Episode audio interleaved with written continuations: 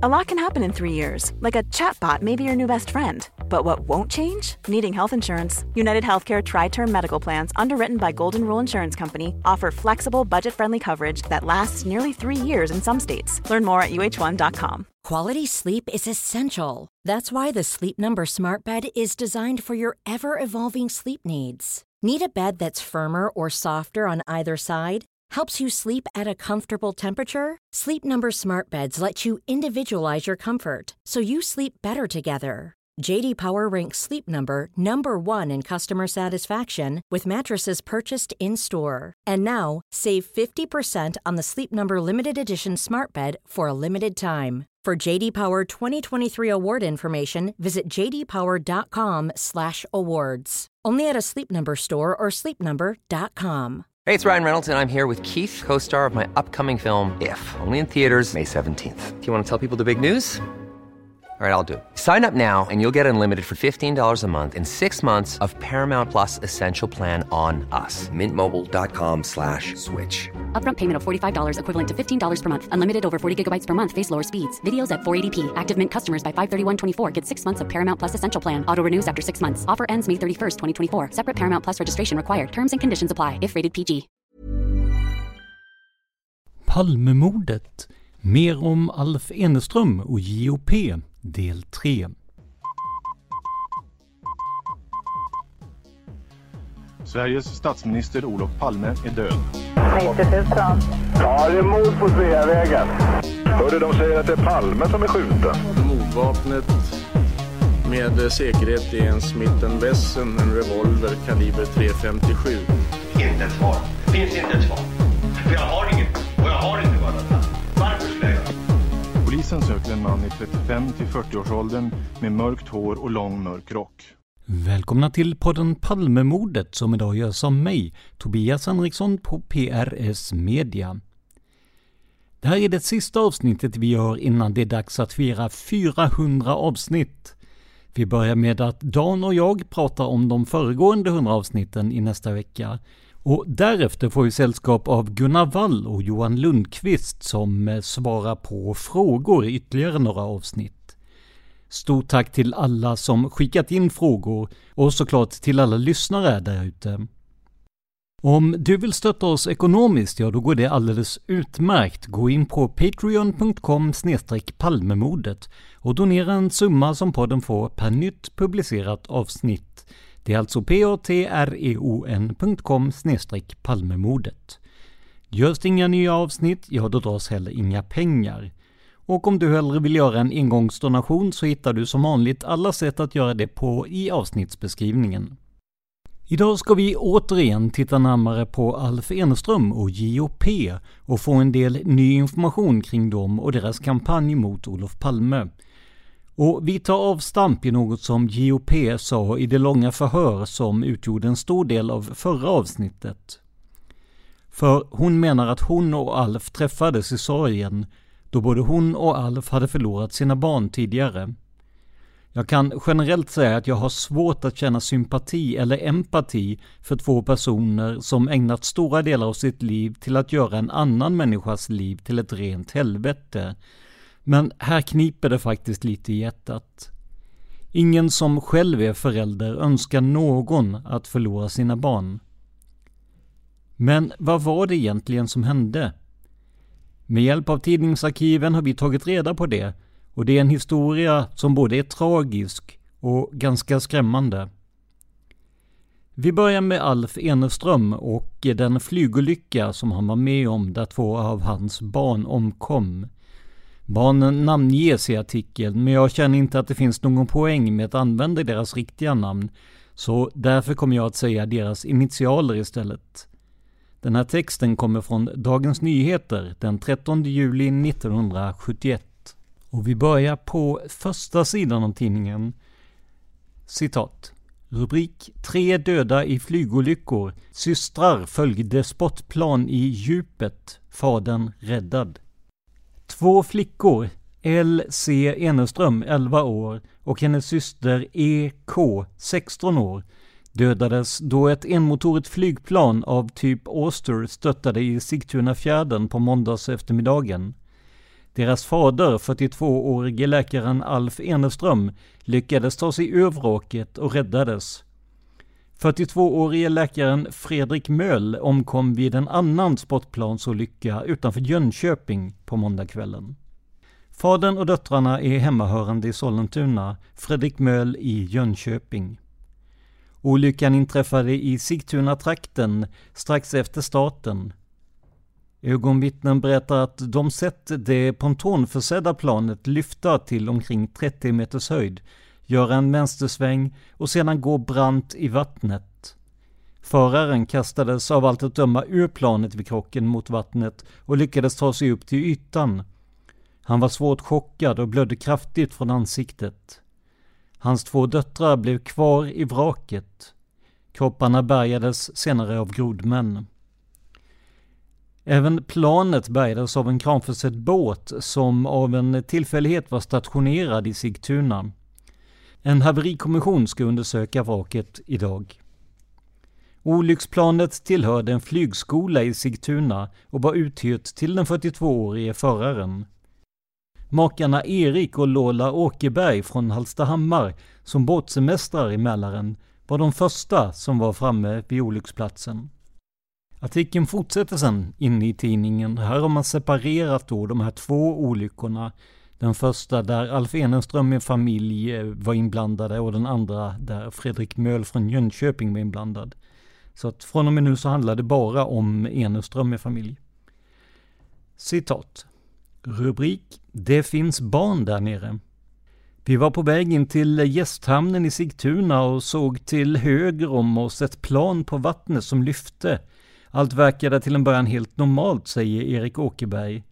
Men plötsligt hörde vi en smäll och såg att planet hade störtat i vattnet. Vi vände och satte omedelbart kurs mot olycksplatsen. Planet hade då inte sjunkit helt. På ena vingen låg en man.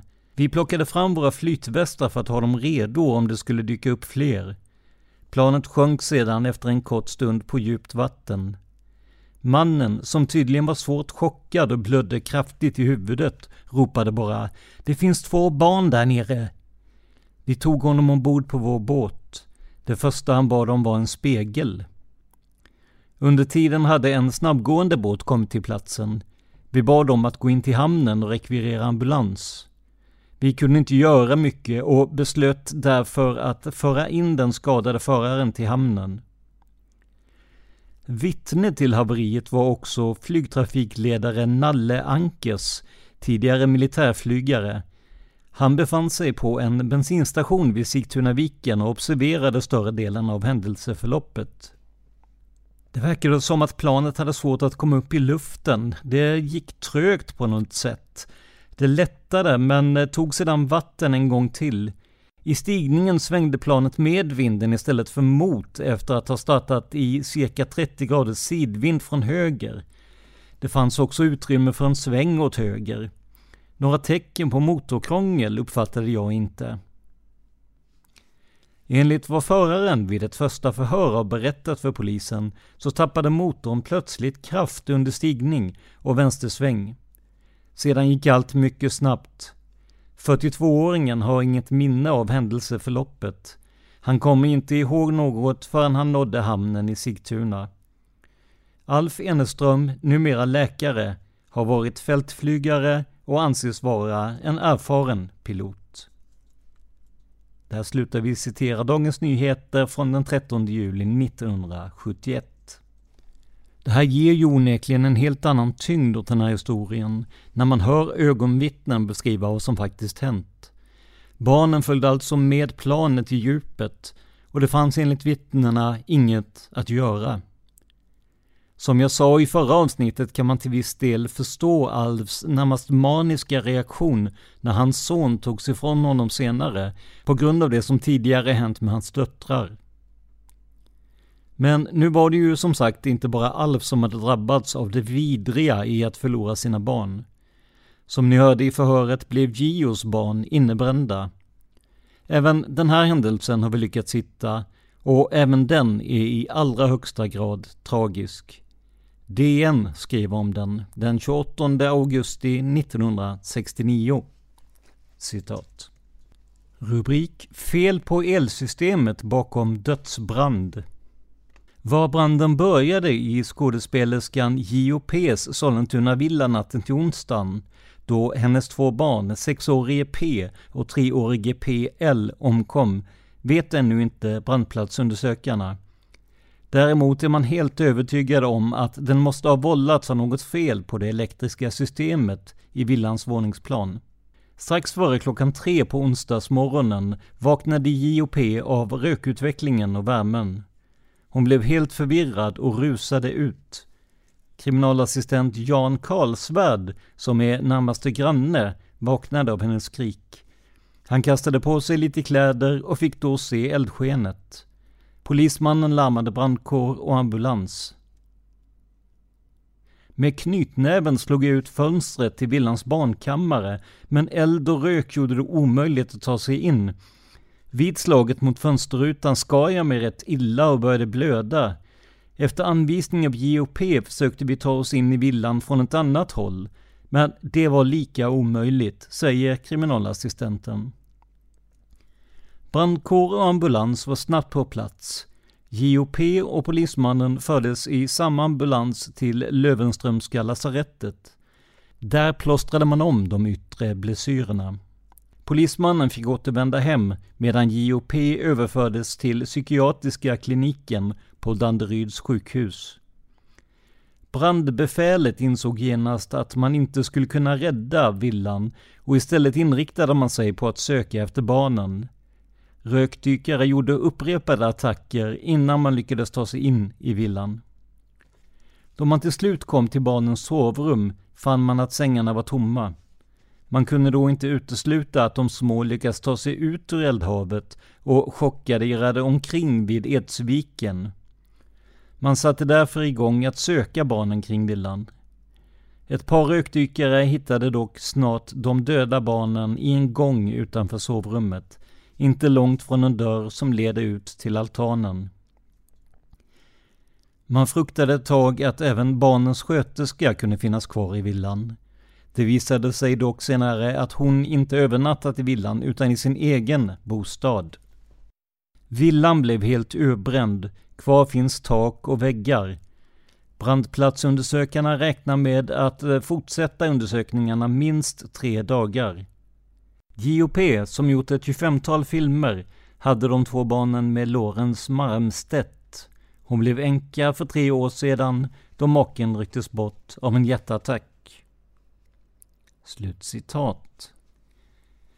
Ja, som ni ser har även Gio haft sin beskärda del av elände. Hennes make dog alltså i en hjärtattack tre år tidigare och slapp på så sätt uppleva sina barns död. Men Gio var där och lär ha levt med minnena sedan dess. Det här var alltså under sent 1960-tal och tidigt 1970-tal. Enligt senare förhör med Gio, som vi kommer till, menar hon att Alf inte hade någon egentlig politisk inriktning de här åren. Men den kom ganska snabbt att växa fram, som vi kunnat konstatera av alla de hatskrifter som Alf producerade under åren. Men nu kommer vi till något som stört mig under många år. En liten uppgift, men en uppgift som legat och skavt. Alf Eneström skröt ju nämligen i många år om att Astrid Lindgren hade sponsrat hans hatkampanj mot Olof Palme med stora summor. Redan för ett antal år sedan kunde vi avfärda det här påståendet som rent påhitt, bland annat efter kontakt med Astrid Lindgren AB. Att någon sponsring inte ägt rum visade också det diarie över brev som Astrid skickade respektive tog emot och som nu förvaras på Kungliga biblioteket i Stockholm. Astrid har nämligen inte skrivit ett enda brev till Eneström. Men det var fortsatt något som skavde i den här historien för min del. För i samband med researchen på KB upptäckte jag att Alf faktiskt skickat två brev till Astrid men som sagt, inget tyder på att de här breven blev besvarade. Jag bad om tillstånd av Astrid Lindgren AB om att få ta del av breven och fick senare detta. Vad jag vet så är vi, om inte först så i alla fall, en av de få som har fått se de här breven. som ger en inblick i hur Palmehatets galjonsfigur resonerade. Och när vi pratar om Alf Eneström så är det ju värt att återigen påpeka att hans uppgifter måste tas med en rejäl nypa salt, som vi sett i exemplet ovan. Därför vet vi inte sanningshalten i det han skriver till Astrid. Men vi har valt att återge det här för att ni ska få en bild av korrespondensen och också få en bild av Eneström på den här tiden. Och tiden som vi pratar om är 1976 för det första brevet och 1977 för det andra. I det första brevet skriver Alf citat Kära Astrid, som vanligt är du suverän. Jag sitter just nu hos en av de våra i Årgäng. Kommentar troligen sympatisörer med socialdemokratisk opposition. Slutkommentar. Boktryckare ES. Kommentar. Jag har valt att utelämna namnet då jag inte vill hänga ut någon. Slutkommentar. Som hjälper mig med lite papper som Gio och jag ska dela ut imorgon kväll i Göteborg vid Palmes stora framträdande i Skandinavium. Jag bilägger några kopior. Eftersom du tyckte om det andra vi gjort och skrivit förutsätter jag att du tycker om detta också. Slut citat. Det här kan ju låta bestickande, som att Alf och Astrid hade regelbunden kontakt. Men Alfs mening om att Astrid tyckte om det andra vi gjort kan lika väl vara en slutsats han drar utifrån Astrids politiska ställningstaganden, som till exempel kring den så kallade Pomperipossa-debatten 1976. Det var ju trots allt just det här året som Astrid mottog brevet. Att Astrid oss veteligen aldrig svarade på brevet tyder väl inte på något större intresse för Alfs ganska extrema Palmehat. I det andra brevet finns en uppgift som kan tyckas känslig och som jag har dryftat med Astrid Lindgren AB innan publicering. För Alf skriver nämligen citat Kära Astrid, jag har ringt till dig många gånger nu och varje gång har det varit en koll på om jag har förlorat förståndet eller inte.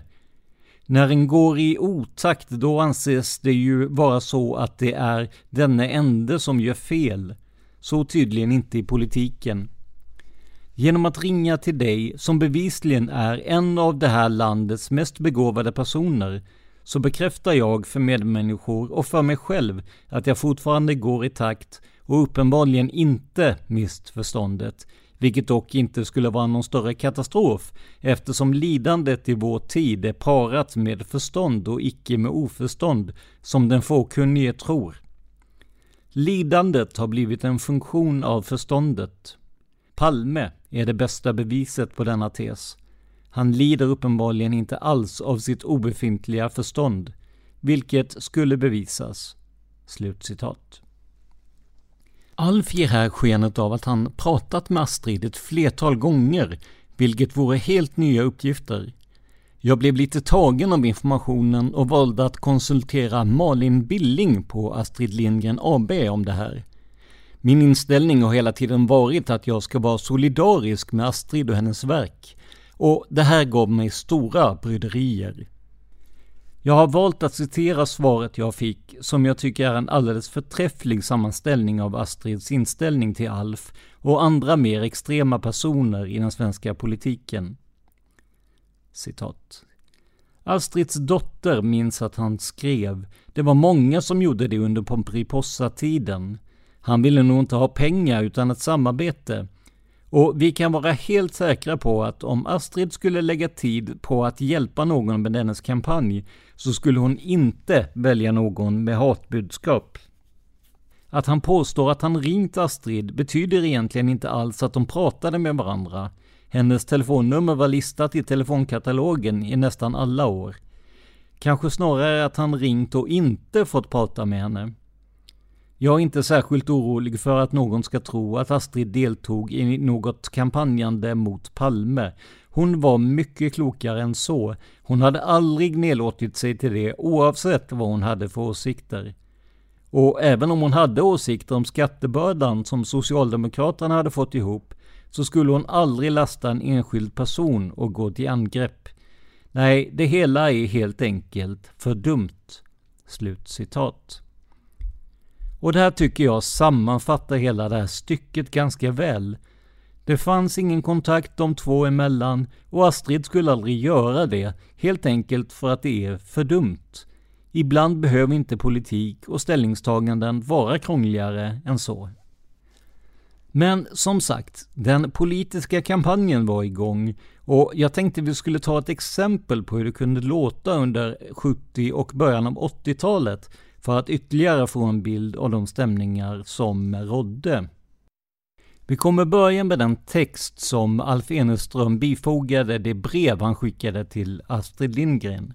Den första bifogade artikeln heter Två avhoppares vedermödor och det står inte när den är skriven, men man pratar om valet 73. Och det här brevet ska ha skickats 76, så det är väl förmodligen inför valet 76. Det var ju bara tre år mellan eh, valen på den tiden. Citat. I förra valrörelsen ställde vi, JOP och Alf Eneström, som goda socialdemokrater upp på regeringens sida och gjorde ett omfattande valarbete. Eftersom valet vanns med en så liten marginal som några tusen röster så kan det matematiskt sägas att vårt plötsliga inhopp var avgörande för segern. Detta gav oss dåligt samvete när vi märkte vad regeringen använde makten till.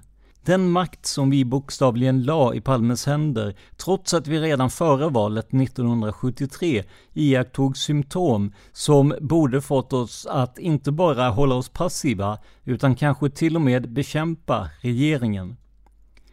Kommentar här har alltså Alf Eneström som är läkare stavat fel till symptom, vilket ju är ganska ironiskt, slutkommentaren. Detta kan sägas nu efteråt, men då ville vi ändå inte tro att det var så illa.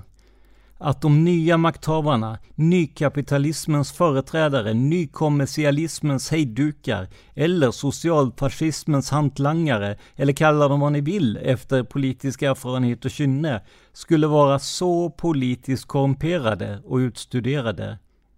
Vad JOP och jag nu vill visa med vår skrift är att när vi hoppade av för mer än två år sedan och började utnyttja vår demokratiska rätt i att i offentliga tal och i tidningsartiklar bekämpa vissa strömningar inom regeringspartiet, så började man bekämpa oss på det våldsammaste med helt odemokratiska metoder, av vilka ett flertal var så allvarliga att det kan jämställas med vad som händer i fascistiska länder.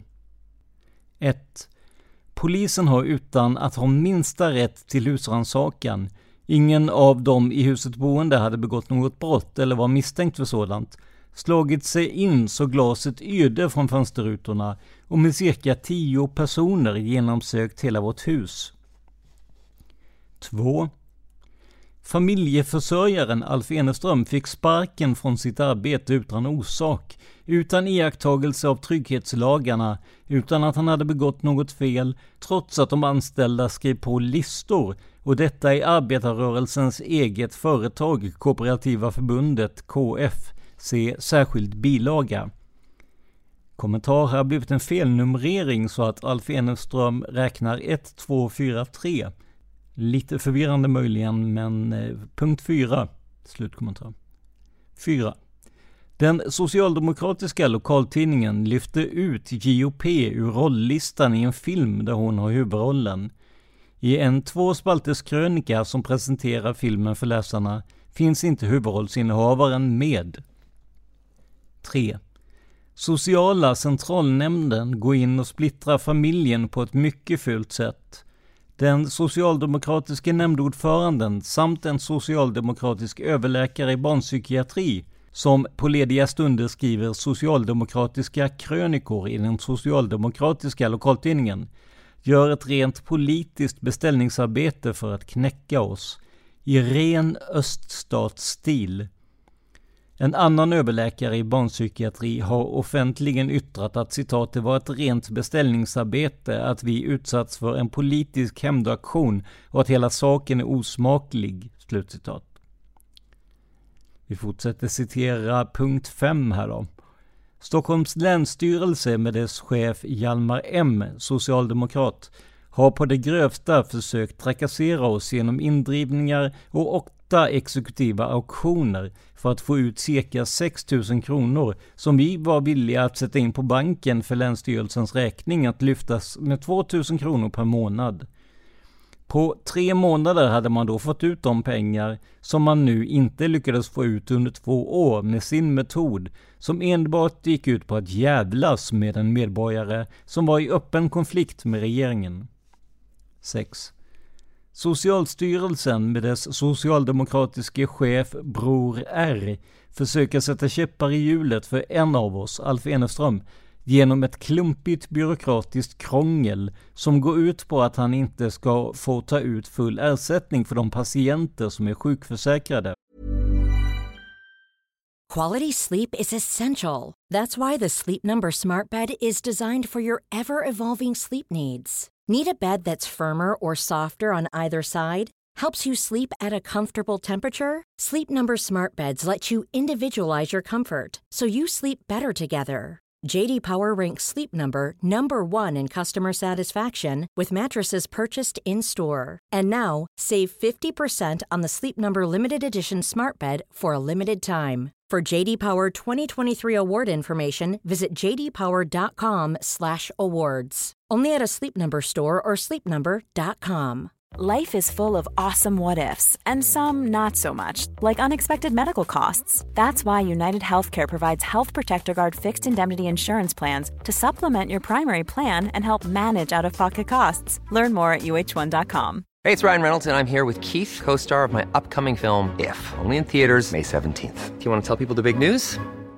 All right, I'll do it. Sign up now and you'll get unlimited for $15 a month in six months of Paramount Plus Essential Plan on us. Mintmobile.com slash switch. Upfront payment of $45 equivalent to $15 per month. Unlimited over 40 gigabytes per month. Face lower speeds. Videos at 480p. Active Mint customers by 531.24 get six months of Paramount Plus Essential Plan. Auto renews after six months. Offer ends May 31st, 2024. Separate Paramount Plus registration required. Terms and conditions apply if rated PG. Man avskedade honom från hans arbete. Nu hindrar man honom i hans privatpraktik. Om detta har en professor i medicin samt vetenskapligt råd skrivit att citat det är obilligt slutcitat av Socialstyrelsen att göra som man gjort. 7. Till och med det statliga företaget Svensk Bilprovning gör försök att trakassera oss genom att inte godkänna vår bil enligt de regler som gäller. Bilen har nu körförbud trots att den är felfri och varit detta hela tiden. Vi skulle kunna fortsätta länge. Som alla vet har regeringen nu drivit igenom en lag där yttrandefrihet och demonstrationsrätt ska kunna upphävas över en natt. Kommentar här tror jag att man menar den så kallade undantagslagen och en undantagslag enligt förvaltningshistorisk ordbok, fantastisk källa för övrigt, är en lag som strider mot rättspraxis, vanligen i samband med kriser eller krig. Slutkommentar. Därmed är det fullständigt fritt fram för socialdemokratiska politruker och byråkrater att uppföra sig hur som helst mot medborgare. Den enskilde kommer inte att kunna göra sin stämma hörd, så som vi nu kan idag, så här en minut före tolv. Vinner regeringen valet använder man lagar som redan finns idag för att täppa till munnen på alla som vill utnyttja sin demokratiska rätt att tala. Därmed har vi blivit en stat av samma typ som Ungern, Tjeckoslovakien, Chile, Kuba, Östtyskland och så vidare. Vi måste med gemensamma ansträngningar förhindra detta i årets val. JOP Alf Eneström. Och där slutar vi citera den här artikeln, eller vad vi ska kalla det, som heter Två avhoppares vedermödor. Som ni hör har redan Alfs rättshaveri och konspiratoriska tänkande börjat komma igång 1976. Alla är ute efter honom, till och med Svensk Bilprovning. Istället för att lägga några hundralappar på att fixa felen som upptäcktes på bilen, så skriver han långa texter om det istället. Och det kan ju knappast anses vara särskilt konstruktivt. Inte minst som jag aldrig varit med om att bilprovningen ändrat sig efter en insändare. Men att sådana här texter kunde publiceras i tidningar på högerkanten som till exempel Kontra, det är ju en sak. Men det vi kommer att få höra nu är en debattartikel som publicerades i en av landets största tidningar, nämligen Dagens Nyheter. Och just den här artikeln är från 1982 och har rubriken Palme lurar arbetarna. Citat. Tre saker måste lyckas för den som vill ta den totala makten i vår svenska demokrati. Uppbyggd under nära ett sekel. Många idealister har offrat sig. Branting fick skaka galler. Likaså Arma Sastamoinen. Karl Gerhard tvingades ställa in föreställningar. Ture Nerman startade egen tidning. Torgny Segerstedts uppfordrande trumpet ljuder än i våra öron. Kurt Tucholsky, Hitlers farligaste fiende som flytt till Sverige, dog här statslös och utan stöd. Begravd i Mariefred. Ett enat Tyskland borde postumt göra honom till hedersmedborgare. Tre saker måste finnas. Man måste vara ordförande i det stora socialdemokratiska partiet. Partiet som blivit en lång kö av opportunister som vill vara sin ordförande till lags, men som också i hemlighet gärna handlar enligt sitt samvete. Man måste ha majoritet i parlamentet för att kunna driva igenom lagar för att polis och byråkrati ska bli lydiga redskap. Och som tredje förutsättning, man måste återta den demokratiska makt som man otursmässigt har förlorat. I vår artikel som omfattar en helsida i kvällstidningsformat visade vi hur lagar genomdrevs som synbarligen var ägnade för maktövertagande. Ingen har kunnat motsäga oss, men vi skulle vara glada över varje åsiktsriktning som kunde visa att vi har fel. Artikeln gick i många av landets tidningar. Den som vill kan exempelvis rekvirera Göteborgs-Posten för den 4 juli. Man måste återta makten om man har förlorat den. Vi ska visa ett sådant försök efter Palmes valförlust 1976. Olof Palme och Lennart Geijer stod inför höstriksdagen 1976 i begrepp att framlägga en lag om borttagande av yttrandefrihet och demonstrationsrätten ur grundlagen. När Lennart Geijer tillfrågades om vad lagen skulle vara bra för i en tv-intervju så svarade han citat att det kunde bli epidemier i landet, slutcitat. Som tur var för Sverige så förlorade Palme valet och lagförslaget kunde kastas i papperskorgen av den nya regeringen. Palme hade förlorat makten 1976. Ett streck i räkningen. Så illa att Palme i en intervju omedelbart efter valet inte kunde bärga sig utan gjorde ett av de allvarligaste och mest destruktiva uttalanden som en svensk politiker någonsin gjort. Istället för att eh, säga det som nationen kräver av alla besegrade politiker. Jag ska hjälpa den lagligen valda regeringen att lyckas i sitt svåra arbete för landets välfärd och lyckosamma utveckling. Så sa Olof Palme att han visste hur han skulle ställa till ett helvete för den borgerliga regeringen. På Sverige tänkte Palme inte en sekund. Palme började som oppositionsledare med att föra folket bakom ljuset. Han försökte bluffa oss genom att påstå att den nyvalda regeringen gick till dukat bord. Men regeringen och även folket upptäckte snart att bordet var avätet och skafferiet tomt och att man istället stod med åtaganden som krävde ökade inkomster för staten. Och detta i ett läge av allmän depression ute i världen. Palmeregeringen hade åren 1974 och 1975 tillåtit kostnadsökningar som gjorde det omöjligt att öka exporten.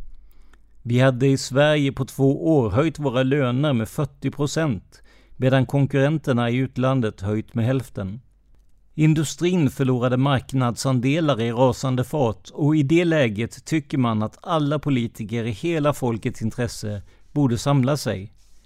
Men Palme gnuggade händerna. Inte ett handtag gjorde han för att hjälpa regeringen. Istället lockade han folk att tro att det var regeringens inkompetens som gjorde att det gick dåligt för Sverige.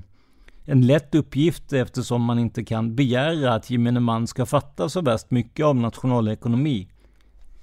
Men vad värre var, om det hade varit en borgerlig opposition som hade gjort på detta sätt så hade det kanske varit politiskt logiskt och förklarligt. Men att en socialdemokratisk partiledare lägger tunga bördor på arbetarnas axlar för att personligen hoppas kunna vinna tillbaka makten är otillständigt, för att ta det starkaste ord vi känner. När Palme således ondgör sig över den relativt sett ringa arbetslöshet som drabbat Sverige, så ska man hålla i minnet att han själv gjort sitt bästa för att göra den så stor som möjligt. Han skaffade sig ett politiskt tillhygge efter bästa förmåga, som han sedan använde i valkampen. Med en annan oppositionsledare, som inte strävat efter personlig makt på bekostnad av folkets välfärd, så hade vi haft en större sysselsättningsgrad i Sverige och lättare kunnat sälja våra produkter på marknaderna ute i världen. När Palme såg hur budgetunderskottet ökade av orsaker utanför regeringens kontroll så tyckte man att han efter valförlusten 1979 i hela folkets intresse skulle dämpat sitt revanschbehov. Men icke. Hans sug efter makten var så stor att han drev ut arbetarna i strejk. En strejk som alla visste var totalt meningslös. Det fanns inte ett rött öre att strejka sig till. Det enda man åstadkom med strejken var ökande kostnader för folkhushållet, minskade arbetstillfällen och en ungdomsarbetslöshet som var tänkt att bli Palmes vapen i valkampen 1982. Alla visste att det förslag som regeringen och arbetsmarknadens parter hade enats om våren 1980 var bra för Sverige. Regeringen bjöd på prisstopp, hyresstopp och skattesänkning. Detta hade varit utomordentligt bra i föreliggande läge. Palme såg med oro att utvecklingen var på väg åt rätt håll. Lägre kostnader för industrin, mera varor att sälja ute i världen, större efterfrågan på okvalificerad arbetskraft. Även ungdomen skulle få en chans till jobb. Palme såg en eventuell valseger 1982 rycka all världens väg. Strejk och lockout blev Palmes motdrag och resultatet av hans aktivitet. Ekonomer som vi har talat med menar att Palmes sabotage av avtalsrörelsen kostade folkhushållen minst 50 miljarder om året, parallellförskjutet till skadan går att reparera. Arbetarna och endast arbetarna fick betala. Bertil Ö har i en helsidesartikel i SvD hösten 1980 redogjort för dessa manipulationer. Vi blev också förvarnade våren 1980 och man bad oss avslöja Palme men vi kunde inget göra, vi hade inga pengar. Det är en känd sanning. Professor Erik Lundberg, enligt tidningarna en borgerlig sympatisör, har sagt att den sittande regeringen är alltför försiktig med de offentliga utgifterna. Vi kan förstå att en borgare tycker så. Vi kan också förstå att storföretagen som för närvarande har svårt att sälja sina produkter vill ha många offentliga satsningar. Beställningar som måste betalas med arbetarnas pengar. Lånade utomlands men med återbetalningsskyldighet och med hög ränta.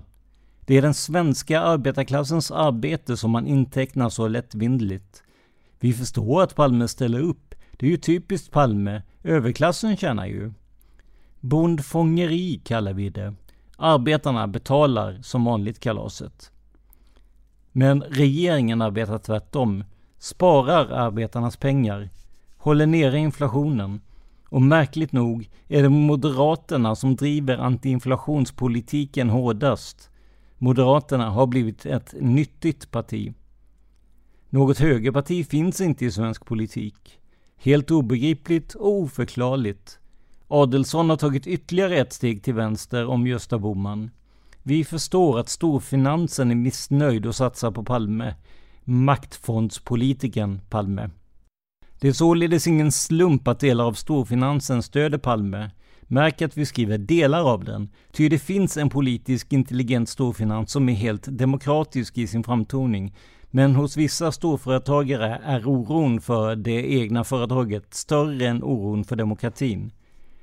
Det ligger tyvärr i människans natur att först lösa de egna näraliggande problemen och vi har nyligen fått professor Lundbergs ord på att Palme är beredd att offra arbetarnas pengar på äventyrliga projekt till kapitalisternas glädje. Det är däremot inte regeringen. Regeringen vill inte att arbetarna ska offra flera tusenlappar om året av sin lön på Palmes maktfonder. Regeringen vill inte ha folk som står och sparkar sig trötta utan säkra och lönsamma projekt som ger trygga arbeten under lång tid.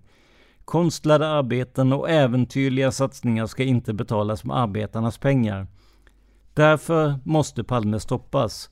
Den 19 september 1982. JOP Alf Eneström. Där slutar vi citera den här skriften. Och kom ihåg att det som yttras här är alltså Alfs och Gios ord. Det är ingenting som vi står bakom. Men tänker ni kanske, har vi inte gått händelserna lite i förväg?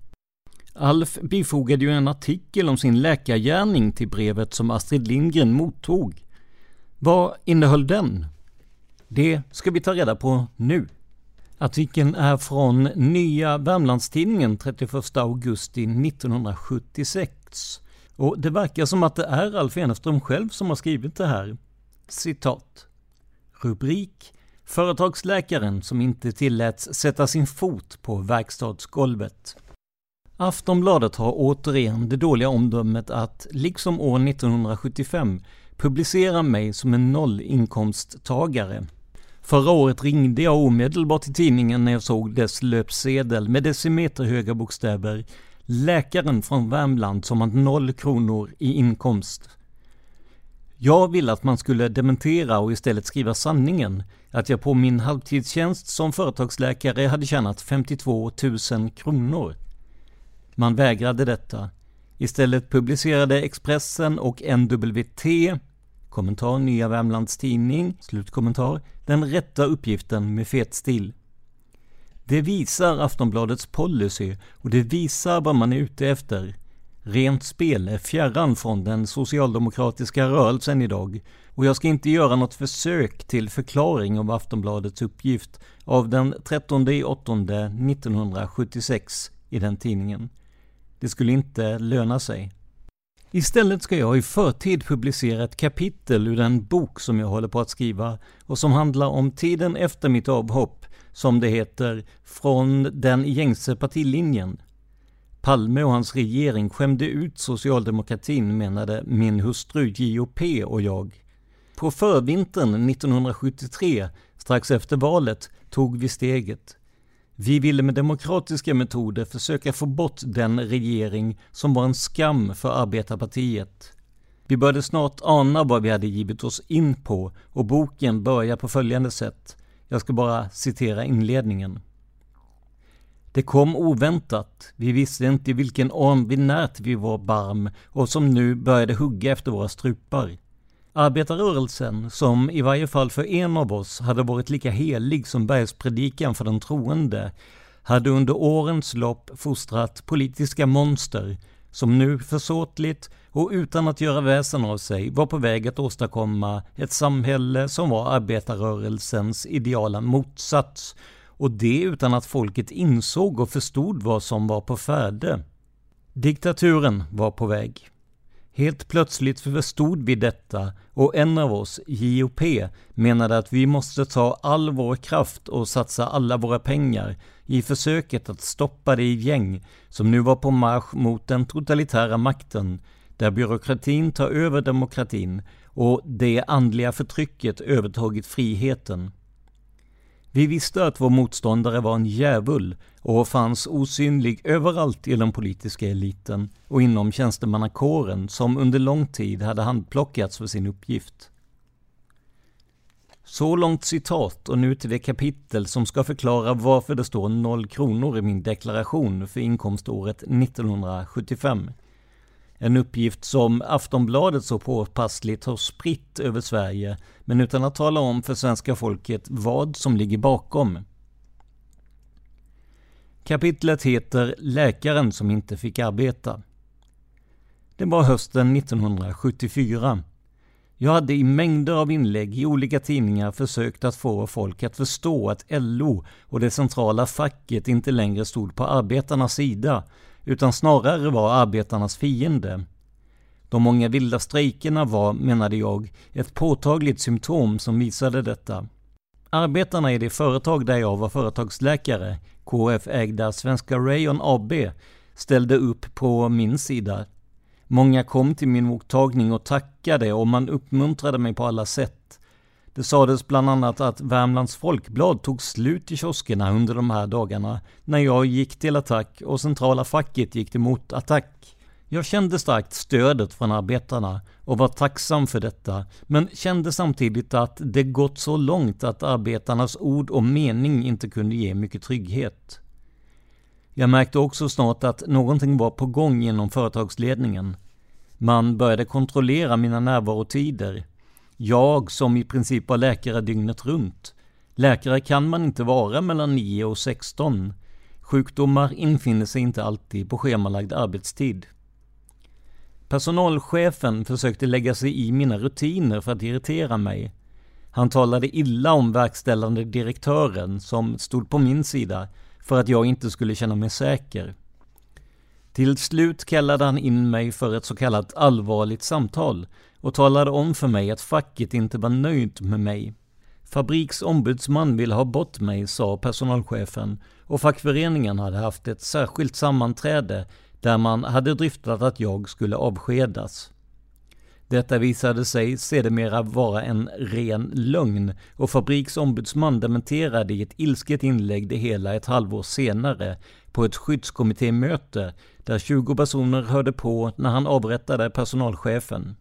Personalchefen ville emellertid framställa det så att han stödde mig och att han eh, hoppades att problemen skulle lösa sig. Problemen som han själv hade diktat ihop för att så kallat rämma mig. Personalchefen är organiserad socialdemokrat och föreningspamp i Vålberg samt sitter i kommunfullmäktige i Karlstad. Jag kände ju till att det fanns en klyfta mellan arbetare och fack, så i och för sig var det inte helt otroligt att de anställda ställde upp på min sida medan facket ville försöka få bort mig. De anställda kom hellre direkt till mig än gick till företaget. Skyddsombuden gick direkt till mig med sina problem eftersom de menade att det var lönlöst att vända sig till företaget och min bäste medarbetare som helhjärtat ställde sig på min sida var den gamla fackklubbsordföranden. Han var tillika huvudskyddsombud och genom hans ingripande kunde jag verka och få min röst hörd i många frågor, där man annars från företagets sida helt frankt skulle ha struntat i sin företagsläkares åsikter. Fackklubbens nya ordförande däremot stod helt på företagets sida och var just en av dessa anpassningar som jag har beskrivit så många gånger och som är till en sådan skada både för fackföreningsrörelsen och företagen. Arbetarna måste nämligen ha förtroende för sin klubbordförande. Detta är det viktigaste i hela arbetslivet. En klok företagsledning ser säkert också detta som en enorm styrka och vill inte uppmuntra till överlöperi och försvagning av fackklubbens ledning. Det som skyddsombuden påtalade när man direkt kontaktade mig i frågan, som egentligen hörde skyddsingenjören till, var ofta allvarliga missförhållanden som år ut och år in hade fått löpa oåtgärdade, men som jag nu skrev rapport på, som gick in till företagsledningen. Det här retade personalchefen och hans personella omgivning så till den grad att han helt förbjöd mig att sätta min fot ute på fabriken. Jag var under ett halvår fram till mitt avskedande säkert landets enda företagsläkare som inte fick titta in på arbetsplatserna. Därmed fråntogs jag möjligheten att ge skyddsombuden ett handtag. Kooperativa förbundets eget företag, alltså en del av arbetarrörelsen, hindrade sin företagsläkare att hjälpa arbetarna. Det är inte snudd på skandal som någon sa, utan det är skandal. Samme man som ser till att detta händer sitter sedan i arbetarkommunens styrelse. Det måste bara till att vara kameleont om man ska vara socialdemokratisk pamp idag. I fortsättningen var jag alltså hänvisad till min mottagning. Jag var inte ensam utsatt för personalchefens politiska intriger, utan hade på känn att han också var på god väg att intrigera bort företagets VD. Om det skulle lyckas förstod jag att mina dagar var räknade. Jag visste att personalchefen hade kontakter i Stockholm som var kapabla till det mesta och jag kände på mig våren 1975 att något var på gång. I februari gick jag in till VD för att antyda mina misstankar. Tyvärr hade jag inte hjärta att säga vad jag tänkte utan började tala om andra ganska ovidkommande ting. Så här efteråt tror jag inte att en varning från min sida hade betytt att tusen arbetare hade fått behålla sin älskade chef. I stort sett över en dag avskedades den person som hade varit företagets verkställande direktör under ett kvarts sekel.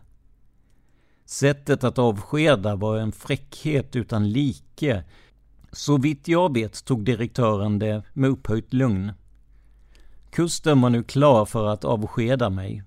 Vad de anställda tyckte intresserade inte personalchefen. Den nye vdn var helt oinsatt och där satt jag med ett papper där man inte ens tog hänsyn till den minsta lilla paragraf i lagen om anställningstrygghet. Arbetarna på verkstaden reagerade emellertid när man fick reda på faktum. Man skrev mangrant på en lista där man krävde att jag skulle vara kvar. Listan lämnades i fackklubbens ordförande. Enligt uppgift från en arbetare som upprörd kom in till mig hade ordföranden gått in till personalchefen och frågat vad han skulle göra med listan samt fått svaret att han kunde kasta den i papperskorgen. Dagen när jag skulle sluta närmade sig och där stod man utan läkare i en för företaget svår kris med många omplaceringar och med produktionsnedläggning i vissa delar av fabriken. Läkaren behövdes mer än någonsin och något svar på annons om doktor hade inte inkommit. Jag erbjuder mig då att ha mottagning en gång i veckan för att hjälpa till med de värsta sjukvårdsproblemen för de anställda. Förslaget avvisades.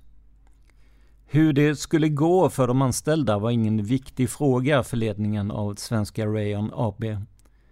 Arbetarrörelsens eget företag. Rimligt hade ju varit att jag, som de anställda tydligen så gärna ville ha kvar, att man skrev på listor, också hade fått tjänstgöra till dess man hade fått tag i en ny doktor. Alf Eneström. Slut citat. Det här var allt vi hade att bjuda på för den här gången och nu kommer det alltså ett antal avsnitt där vi firar att vi har passerat 400 avsnitt från nästa vecka. Men självklart kommer vi att återkomma även i det här ämnet framöver. Vad tycker du om dagens avsnitt? Hur ser du på Alfs och Gios historia? Tror du att de var inblandade i mordet? Kommentera gärna i trådarna till dagens avsnitt på Facebook. Vi finns i Studio Palmemordet och Palmerummet. Och om du gillar det vi gör och vill stötta oss ekonomiskt så hittar du alla sätt att göra detta på i avsnittsbeskrivningen. Om du har frågor eller synpunkter kring podden kontakta oss gärna på simwaypodcast.gmail.com Alltså z-i-m-w-a-y podcast gmail.com vi hinner tyvärr inte svara på frågor om mordet eller teorier om detsamma, utan hänvisar till Facebookgrupperna. Det här var veckans avsnitt av podden Palmemordet som idag gjordes av mig, Tobias Henriksson på PRS Media. För mer information om mig och mina projekt besök facebook.com prsmedia.se eller gilla oss på Instagram där vi heter PRS Media. Ett ord, små bokstäver. Stort tack till Malin Billing på Astrid Lindgren AB för all hjälp med det här avsnittet. Men framförallt, stort tack för att du lyssnar på podden Palmemordet. Man hittar Palmes mördare om man följer PKK-spåret till botten. Därför att ända sedan Julius Caesars tid har jag aldrig hört talas om ett mord på en framstående politiker som inte har politiska skäl. Polisens och åklagarens teori var att han ensam hade skjutit Olof Palme. Och det ledde också till rättegång, men han frikändes i hovrätten. Nu ska vi ut på rövarstråt. Jag viskar ut och röva.